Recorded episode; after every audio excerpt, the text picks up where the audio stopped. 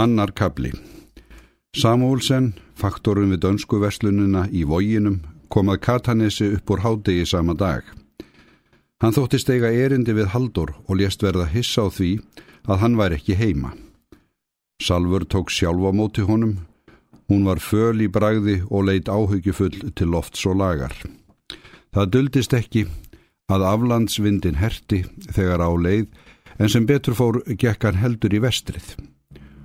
Hún bauð faktordum upp á loft til að drekka kaffi þar af því að það væri svo kallt í gestastofunni.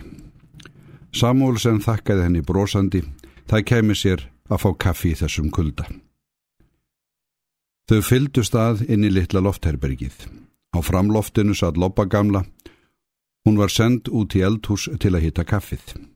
Svo sátu þau tvö ein í herbergiskitrunni hvort á sínu rúmi.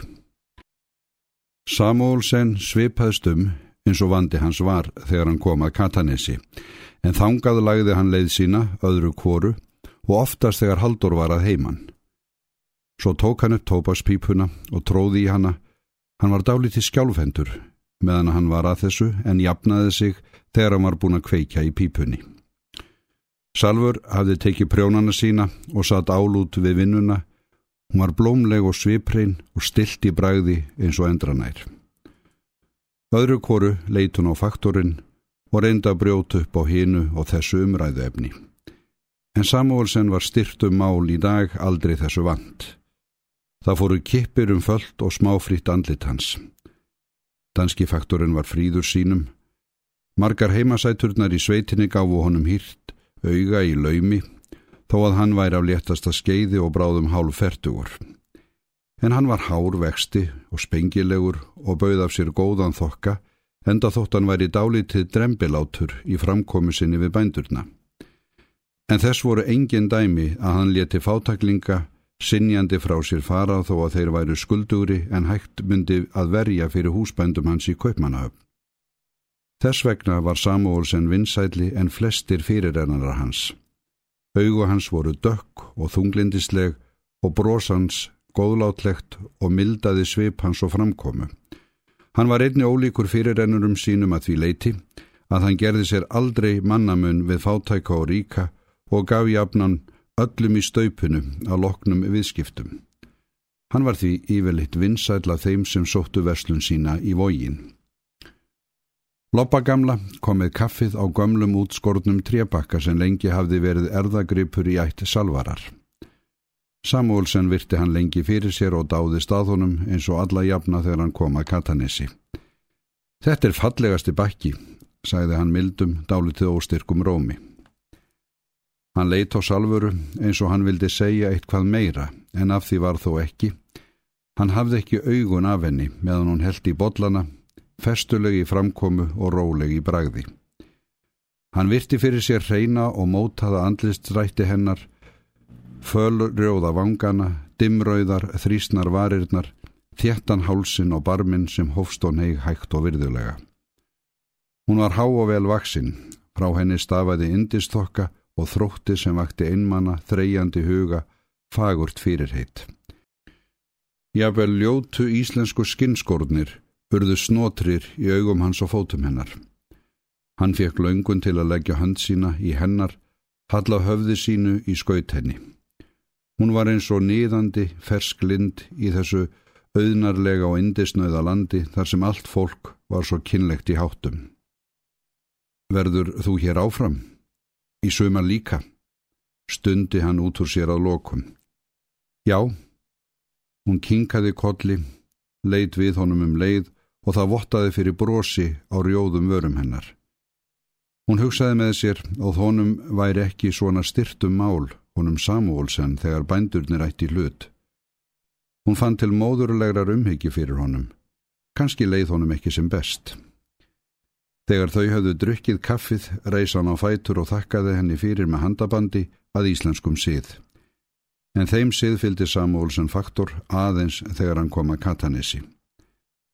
Allt í einu gaf hann sér lausan tauminn.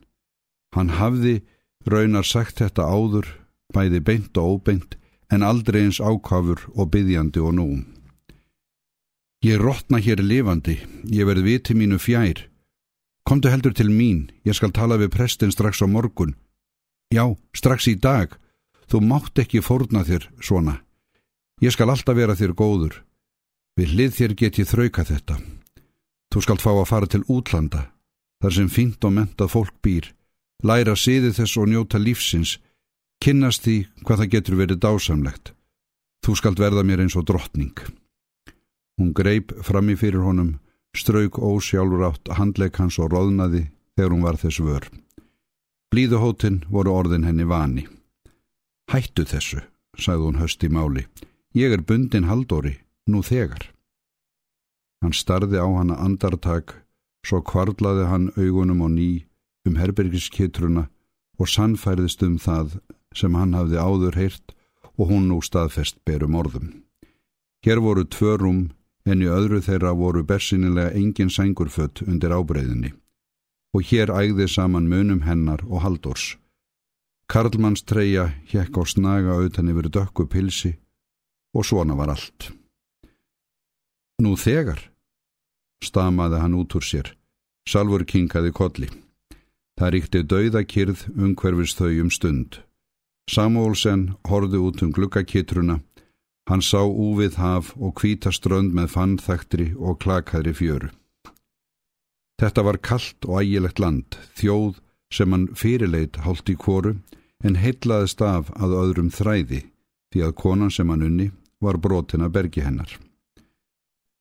Það er ítla farið, sagði hann loksins, svo greip hann hönd hennar og þrýsti hanna fast. Ef eitthvað skildi koma fyrir, Hann sá í anda hafið í stormi og stórrið.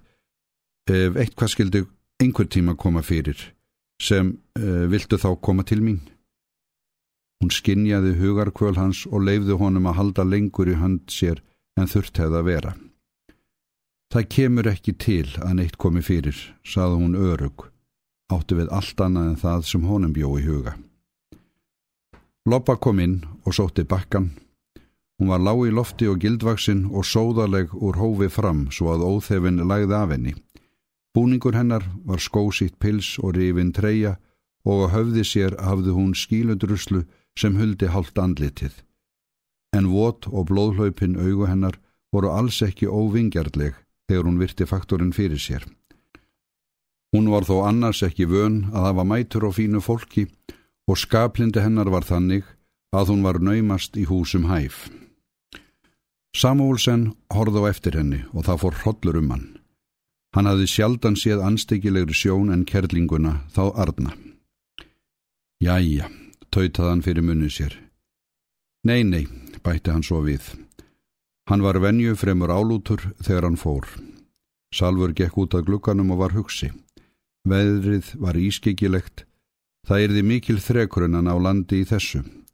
En hún var síður en svo hrættum haldur hann hafi verið á sjó í verra og það var svo endalt að hlúa að honum þegar hann kom hrækin heim.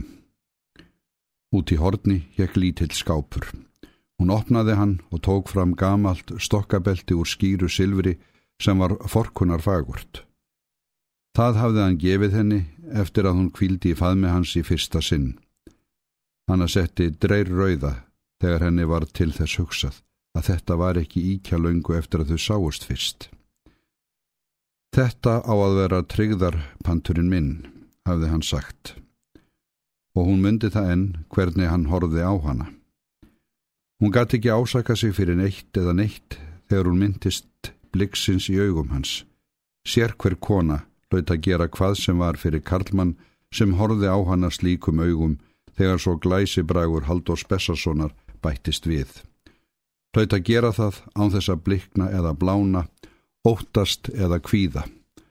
Þó að hún ætti að fylgja honum í eilifa glötun, þá myndi hún ekki hika. Hún þrýsti gamla stokkabeltunu að barmi sér og stóð þægnu um stund og kynlegt brós leikum varir hennar. Tryggðar panturinn hans. Festulegir andlitstrættir hennar urði í sveip mjúkir og mildir. Hún þráði að bera barn hans undir brjósti.